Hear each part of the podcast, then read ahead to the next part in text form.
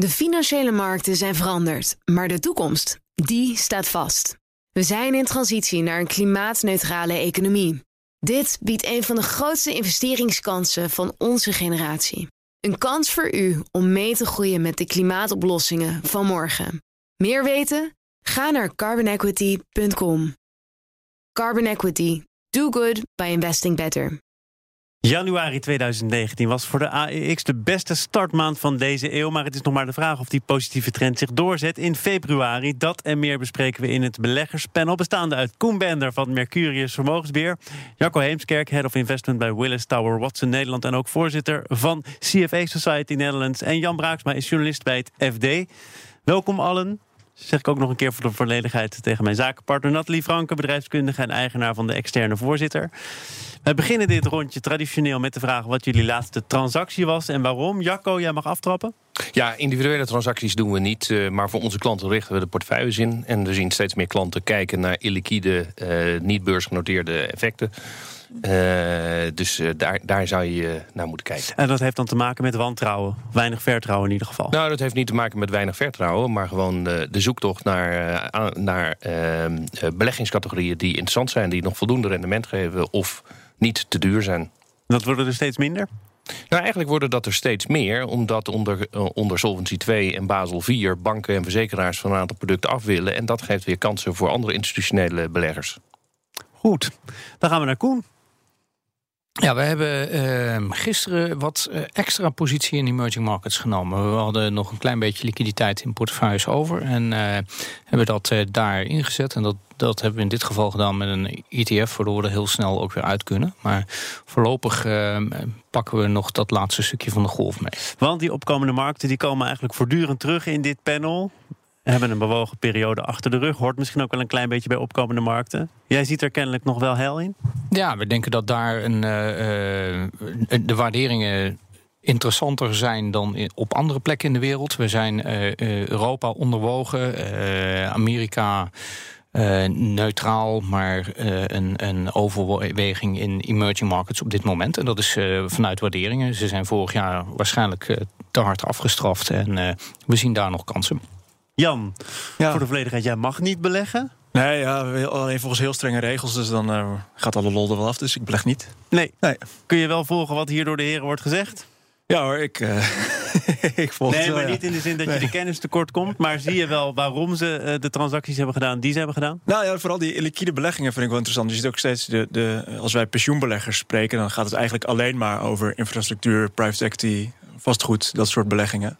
Um, ik vraag me af of het, of het een, een, ja, een hype is nu eigenlijk. Of dat ja, misschien is het ook wel een beetje de talk of the town dat, uh, dat het nu gaat gebeuren. Of denk je dat het echt iets, iets is wat we nog 10, 20, 30 jaar gaan zien? Ja, eh, gedeeltelijk komt het natuurlijk door het feit dat er weinig te halen is in de uh, publieke markten. En daar is het allemaal zo duur geworden dat je naar andere alternatieven moet gaan kijken. Maar voor een gedeelte is het ook een veel langjariger trend.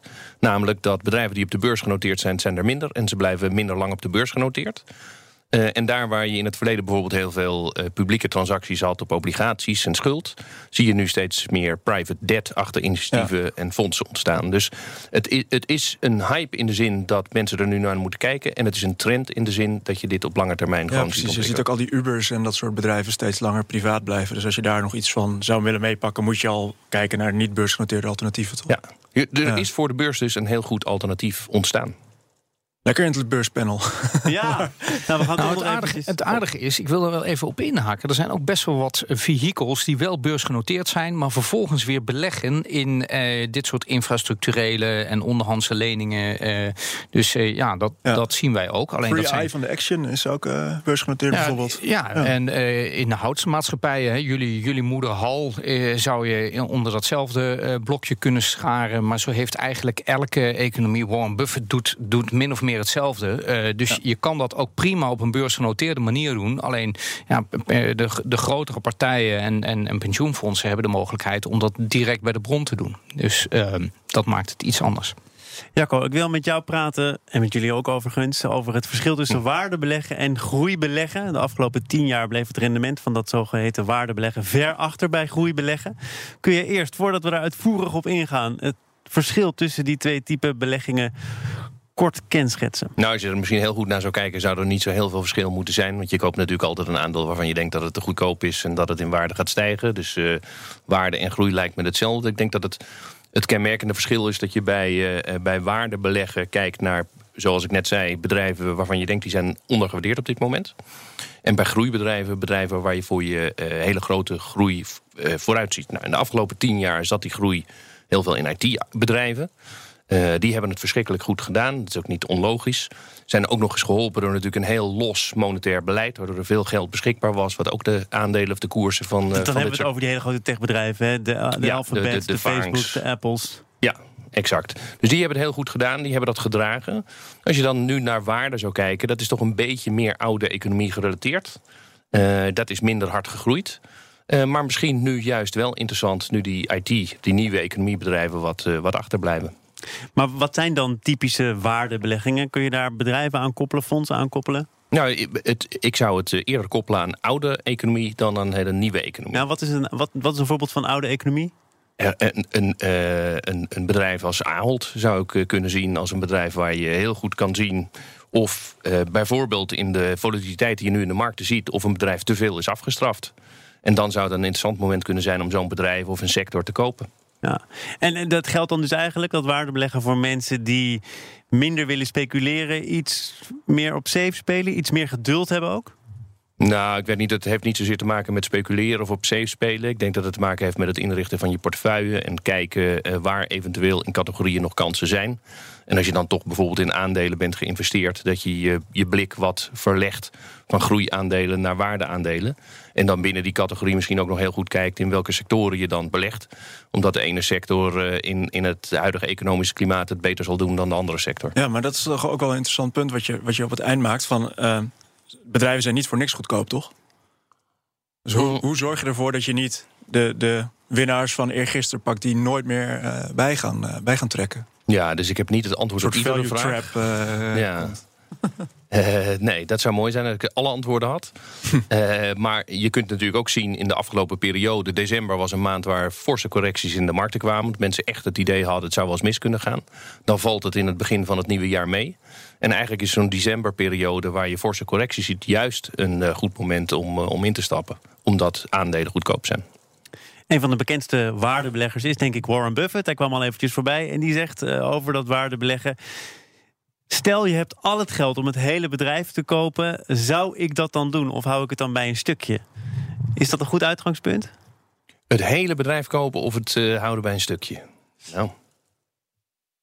Nou, als Warren ik Buffett het houden. zegt, dan ja. lijkt me wel uh, een goede ja, tip. Kom je, dat ligt, kom je wel bij een diversificatiepunt natuurlijk. eh. Ja, okay. hij impliceert daarmee als je het hele bedrijf koopt... dan haal je het van de beurs af. En op het moment dat je andere aandeelhouders erin laat... dan, dan, dan wil je dat die andere aandeelhouders nog een vorm van toegevoegde waarde hebben. Of dat je kan zeggen, van, nou die beursnotering is nog voor, van nut. Bijvoorbeeld, ja. als je dat bedrijf wil gebruiken om verder te gaan groeien... en overnames te doen, dan heb je al toegang tot de kapitaalmarkt... in plaats van dat je dat opnieuw moet doen. En uh, het is ook overigens wel grappig dat je Buffett aanhaalt. Want Buffett heeft zich de afgelopen jaren natuurlijk ook veel meer verschoven richting uh, uh, de groeimarkten. Hij is de grootste positie van, van, van Buffett is op dit moment Apple. En, en nou zou je ervan kunnen zeggen, is Apple misschien de laatste tijd niet ook een waardeaandeel geworden? Want het is heel laag gewaardeerd en de groei wordt misschien wat minder, maar de. De waardering is daar ook op aangepast. En ik denk dat dat misschien ook wel een beetje. Kijk, ik vind het altijd heel gevaarlijk om te zeggen van nou, dit keer is het anders en de economie is anders. Maar, maar als dit keer je, is het echt anders. Nee, maar ga eens terug naar, naar 1995. Wat waren toen de grootste aandelen? Kijk, ik was toen 11, dus vertel het me, Koen. Nou, eh, laten we Exxon, uh, US Steel uh, en, en, en General Electric. Nou, General Electric is afgelopen jaar gedecimeerd. En van alle vangst bestond alleen Apple. En dat was moest. Ja toen nog bijna failliet gaan. Uh, en is daarna uit de assen herrezen. Maar Amazon, ja, Jeff Bezos uh, uh, was nog aan het flirten met zijn huidige vrouw. En moest Amazon nog, nog gaan, gaan starten. Dus het verandert allemaal wel. En een Ahold, ja, de hardste groei van Ahold komt uit online. En komt uit bol.com. Dus die bedrijven veranderen ook. Daarom worden ze koninklijk. bedrijven. Ja, maar ze een bedrijf wordt pas koninklijk als het in staat is om oorlogen te overleven en eh, zich aan te passen aan de veranderingen in de maatschappij. Ja, dat is ook wel een interessante die je daar hebt, Koen. Omdat uh, in, in een neergaande markt het heel interessant wordt om te zien hoe die vaangbedrijven dat nou eigenlijk gaan doen of ze bestand zijn tegen een economische recessie. Ja, en, en je ziet dat ze nu, hè, eh, we hebben gisteren cijfers van Alphabet, de moeder van Google, gehad. We hebben vorige week cijfers van Amazon gehad. Beide werden toch teleurstellend ontvangen op de beurs. Waarom? Omdat beide bedrijven vol gas door investeren. Google 25 miljard aan investeringen mhm. volgend jaar. We hebben het er net al even over gehad, over het zelfrijdende autoplatform. Maar ze zijn tegelijkertijd uit hun cashflow hebben ze zoveel mogelijkheden om te diversificeren en weer op opnieuw te investeren in totaal nieuwe. En de helft schrijven ze af. En de andere helft wordt misschien wel wat. En daar halen ze hun volgende fase van groei vandaan. Maar ik denk dat de luisteraar die dit panel hoort vooral wil weten: moet ik nou kiezen op dit moment? We staan op een kantelpunt voor die bedrijven uit de oude economie. Of moet je vasthouden aan die groeibeleggingen, dus die nieuwe technologiebedrijven die het nu misschien wat moeilijker krijgen. Wat zou jullie advies zijn? Wie eerst? Je, je, moet een mix hebben. Je moet spreiding hebben en een goed bedrijf. Ja, dat is natuurlijk een heel mooi antwoord. Ja, goed, misschien een maar Amazon, Amazon heeft zowel een waardeafdeling in zich als een groeicomponent. We hebben onderdelen die nog in de kraamkamer liggen, maar hebben ook cashflow genererende uh, onderdelen in zich. He, Ahold heeft die supermarkten met cashflow generering, maar heeft tegelijkertijd zijn online platform waarmee ze nieuwe initiatieven hebben en in de volgende fase kunnen groeien. Jan, jij hoort dit aan. Wat denk je dan? Ja, nou, dat spreiden lijkt me een heel verstandig advies, ja. Want het, als iets, iets, bewezen, iets bewezen is de afgelopen decennia... is het dat het verrekte lastig is om de winnaars eruit te pikken. En dat je er ook wel eens een uh, keer naast kan zitten... als je denkt dat een bedrijf het, het gaat winnen. Want volgens mij de, de, die, de betoog dat je net houdt... ging misschien 30 jaar geleden of 20 jaar geleden ook op voor uh, General Electric... wat ook een conglomeraat was. En als ik je zo hoor, worden de Apples en de... de Um, uh, Amazons dat eigenlijk ook. Dus gaan we zien of die over een paar jaar ook uh, activisten belaagd worden om de boel af te spinnen. En uh, hetzelfde liedje daarvoor gaat gelden. Ja. De AEX had de beste januari van deze eeuw, maar exact een jaar geleden ging het helemaal mis op de AEX. Alle winst over januari was in één dag weggevaagd. Dat en meer bespreken we met het beleggerspanel bestaande uit Jacco Heemskerk, Head of Investment bij Willis Towers Watson, Nederland en voorzitter van de beroepsvereniging CFA Society. Jan Braaksma is hier ook journalist bij het FD en Koen Bender van Mercurius Vermogensbeheer, net als mijn zakenpartner Nathalie Franke, eigenaar van de externe voorzitter. Dames en heren, er bestaat zoiets als het januari-effect op de beurs. Jan, wat is het januari-effect? Ja, dat is een hele goede vraag. Ik, heb, er nog, ik heb er wel eens van gehoord, maar blijkbaar is januari goed. Is dat het effect? Is een goed effect? Ja, nou, je, kan, je, je kan er een soort oud testament met beurswijsheden uh, vullen. En daar, daar vind je er ook een paar uh, over in januari. En een daarvan is As goes January, as goes the year. Maar dat was vorig jaar al niet het geval. Dus uh, ja, wat, wat gebeurde er vorig jaar? Want het is nu exact een jaar geleden dat die ene fatale dag kwam... dat die hele januari-winst in één keer werd weggevaagd. Dat, ik denk dat dat toch te maken heeft gehad met het elektronisch handelen, achteraf bezien. dat je heel veel computerprogramma's hebt en dat als er. Want het, het begon met een val van duizend punten binnen 20 minuten in de Dow Jones. op het laatste stukje van de handel. Uh, en daarmee was opeens volatiliteit back uh, terug. dus en, en uh, wat, je, wat je ziet is dat al die algoritmes zijn op een bepaalde periode geprogrammeerd. Maar dat was een periode waarin we nauwelijks bewegelijkheid hadden op de beurs. Dus uh, een tada, daar kwam als een, als een duveltje uit het doosje de bewegelijkheid weer terug. En daar stonden we allemaal niet op voorgesorteerd. Nee, en allerlei producten die daarop uh, hadden ingezet dat het juist rustig zou blijven, die bliezen zichzelf op. Dus voor journalisten was het echt een was het een fantastische paar dagen. Want er gingen allemaal exotische producten waar je eigenlijk uh, nog nooit van hadden gehoord. Uh, leden grote verliezen. en er gebeurde veel. Um, maar ja, dat is tegelijkertijd ook wel een van die lessen, denk ik. Dat je soms. Ja, er was geloof ik een banenrapport op vrijdag toch? En dat was een stuk beter dan verwacht. En ineens uh, ging het heel hard.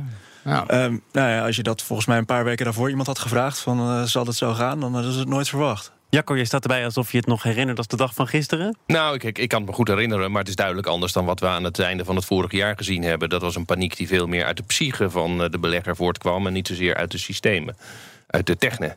Uh, dus uh, wat gaat dat doen uh, voor de rest van het jaar? Dat is eigenlijk de vraag waarmee je deze, dit onderdeel opende. Ja, Ik denk dat die nervositeit echt wel in de markt blijft. Dat we niet zeker weten waar het dit jaar naartoe gaat. Uh, ik denk als je nu voorzichtig door je wimpers heen kijkt... Dan, uh, dan weet je eigenlijk wel dat je aan het einde van een economische cyclus zit. Uh, maar wat er daarna gebeurt is dan even de vraag... Hè?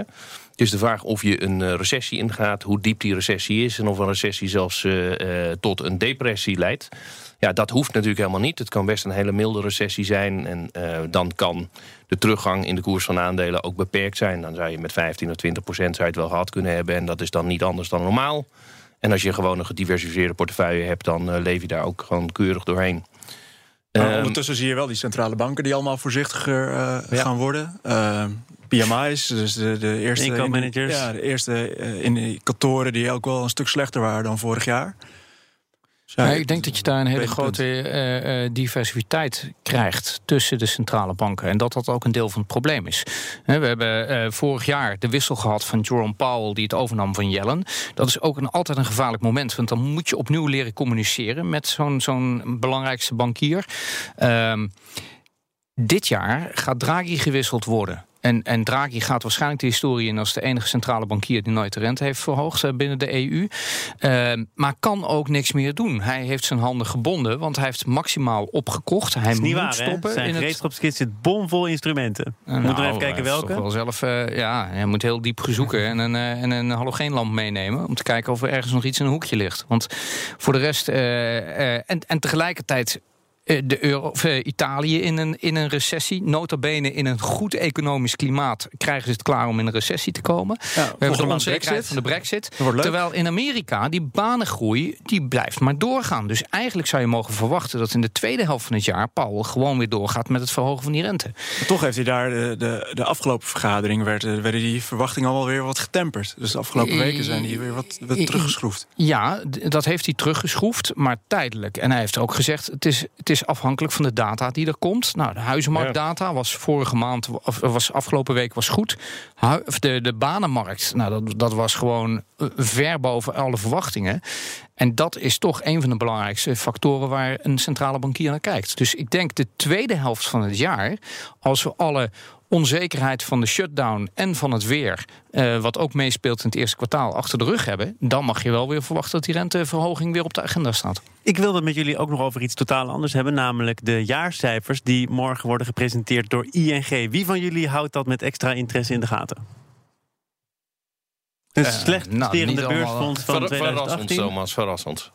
Nou, ik weet niet of het verrassend is, maar als je kijkt naar hoe journalisten onder andere het afgelopen jaar over ING hebben bericht, dan huppelen we van schandaal naar schandaal. De CFO die moest opstappen. We hebben natuurlijk de de hoorzittingen in de Tweede Kamer van Ralf Hamers op de voet gevolgd. Uh, we weten ook dat de beurswaarde van ING met een derde is verdampt in 2018. Terwijl de cijfers misschien wel aanleiding geven om juist wat positiever te zijn over die bank. Dus wat is hier aan de hand?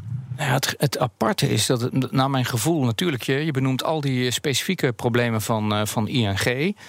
Heeft ING het uh, nou significant slechter mm. gedaan dan andere financials? Ja, nee. ik, denk, ik denk het niet. Nee. Dus, ze stonden niet bovenaan in de ranglijstjes, maar die hele financiële sector heeft het wel lastig. kijk naar de rente blijft heel lang uh, laag. Ja, dat is, dat is denk ik het probleem. Dat die rente uh, veel langer lager blijft dan we allemaal gedacht hadden. Maar waarom wordt dan juist ING afgestaft? Nou ja, de, de vraag is of het juist ING is. Ja. Want, uh, ze hebben natuurlijk wel wat particuliere probleempjes gehad. Hè. De, de, de boete van het, van het OM van bijna 800 miljoen euro. dat soort dingen, dat zullen natuurlijk niet helpen. Nee. Nou, ik denk geloofwaardigheid, uh, zou ik denken dat ING daar een stukje geloofwaardigheid heeft uh, verloren? Nou ja, uh, ja bij, bij, de, bij de klanten zeker. Ja, wel nog. En dat zie je misschien terug? Mm, ja, bij de, bij de klanten zou ik me dat kunnen voorstellen. Want dat gevoel heb ik ook als ik naar financiële instellingen kijk. Dat ik, dat ik zou willen dat, dat de besluitvorming soms anders is. Maar tegelijkertijd, als je naar de onderliggende cijfers kijkt... dan wordt er toch echt gewoon door analisten hard gekeken... en door beleggers ook hard gekeken naar de, de bottom line. En ik denk dat het ook voor een heel belangrijk deel uh, perceptie is. Natuurlijk, iedereen is verantwoordelijk over datgene wat banken gedaan hebben. Trek de vergelijking met Facebook. iedereen is boos over de schending van de privacywetgeving. Maar wie heeft er uiteindelijk allemaal zijn Facebook-account opgezet? Nou, in, in de cijfers bleek dat niet. En dat, hebben we bij banken ook niet gezien, dat men massaal de banken terug te, toekeert. Dus ze kunnen behoorlijk over de scheef gaan zonder dat ze afgeschaft worden. Wie heeft hier een groter probleem? Ik sla even een bruggetje. Ryanair of ING? Veel in het nieuws ook, die cijfers van Ryanair. Met een winstwaarschuwing, lage ticketprijzen, druk bezette markt. Een topman die een stapje terug doet. Ja, lage ticketprijzen vond ik wel een aparte. Want daar zijn ze toch juist heel groot mee geworden, dacht ik. Dat je voor bijna nop uh, een retourtje Londen kon doen. En dat waar, daar liepen zij voorop. Blijkbaar is het wat te hard doorgeschoten. Ja, er zijn nu zoveel stoelen dat ze om die stoelen toch bezet te houden nog weer meer van die toch al lage prijs moeten afsnoepen. Het klinkt wel bijna typisch als luchtvaart, volgens mij, zoals ik het de afgelopen jaren heb gevolgd. Van de, de ene kant is het krapte, nee, je schakelt niet zomaar bij, dus je moet vliegtuigen kopen en het duurt lang. Nou, en dan die brandstofprijzen wisselen. Uh, concurrentie is altijd een, uh, een ding. Ja, en Ryanair uh, specifiek een behoorlijke stijging van zijn personeelskosten. Ja. Die stakingen van 2017 en 2018 ja. hebben wel doorgetikt. Ja, vakbonden krijgen voet tussen de deur. Ja, en ik denk dat dat voor hen echt een, een omschakeling is geweest... waar ze niet direct tegen bestand waren. Nee. Is, is de luchtvaart een interessante om in de gaten te houden voor beleggers? Of te veel onzekerheden, te cyclisch, te veel maatschappijen in de problemen? Ja, als onderdeel van een portefeuille zal het erin zitten. Uh, en anders dan dat heb ik daar niet echt een mening over. Dat was wel grappig. Warren Buffett die was altijd een groot ja. tegenstander van. Uh, van uh, hij was er net al, kwam net al voorbij, maar groot tegenstander van beleggen in luchtvaartmaatschappijen. Hij zei. Maar hij is daarvan teruggekomen een, een paar jaar geleden, geloof ik 2016. En heeft hij belang in vier Amerikaanse luchtvaartmaatschappijen gekocht. En zeiden ja, ze hadden een slechte 20ste eeuw. dus ja, dat hangt ook een beetje van je horizon af, denk ik. Uh, maar ja, ja die, die, je ziet bij luchtvaartmaatschappijen vaak dit soort problemen. Bij KLM ook het personeel, wat, uh, wat vorig jaar ook flink heeft gestaakt. En die brandstofprijzen, uh, Ryanair zie je capaciteits, of een capaciteitsoverschot. Ja, Cool. Ze, kunnen, het best, ze kunnen het best een tijdje uitzingen, Ryanair. Ja. Want het is een, het, financieel is het nog een redelijk degelijk bedrijf. Uh, ze, ze, spelen het spel van lage kosten. Dat doen ze beter dan heel veel anderen. Ja, er is meer capaciteit in de industrie. Dan is het een kwestie van uitzingen uh, en wachten tot de, tot de capaciteit ook weer verdwijnt. Nou, nou er ging vandaag een Duitse maatschappij failliet, dus ja. het uh, begin is er. Nou ja, dat, uh, volgens mij gaan die maatschappijen aan de lopende band. Uh, gaat er wel weer eens eentje ergens failliet. Het is Ryanair die ook Lauda Motion een soort van de ondergang behoed heeft. Wat, wat apart is om te zien is dat de kosten bij Ryanair behoorlijk uh, stijgen. En ze zitten natuurlijk alleen op dat korte traject. En daar waar eh, KLM zijn groei vandaan haalt, is het middellange en het lange stuk. Uh, als je gaat kijken, die hebben op hun korte, uh, korte routes hebben ze nauwelijks groei laten zien. En alleen Transavia, maar dat, dat is dan wat specifieker, die overigens ook meer last gaan krijgen van, van Ryanair met dat Ryan Sun project wat ze gestart hebben. Maar, Dank voor jullie komst naar het beleggerspanel bestond deze week uit Jan Braaksma, journalist bij het FD, Koen Bender van Mercurius Vermogensbeheer en Jacco Heemskerk, Head of Investment bij Willis Towers Watson en uh, voorzitter van de beroepsvereniging CFI Society Netherlands. Speciale dank ook aan mijn zakenpartner van vandaag. Mag wel nu gezegd worden, nu je het zo glansrijk hebt doorstaan. Ter elfde uren opgeroepen en toch weer scherp als altijd. Nathalie Franke, eigenaar van de externe voorzitter. Tot morgen. De financiële markten zijn veranderd, maar de toekomst, die staat vast. We zijn in transitie naar een klimaatneutrale economie. Dit biedt een van de grootste investeringskansen van onze generatie. Een kans voor u om mee te groeien met de klimaatoplossingen van morgen. Meer weten? Ga naar carbonequity.com. Carbon Equity. Do good by investing better.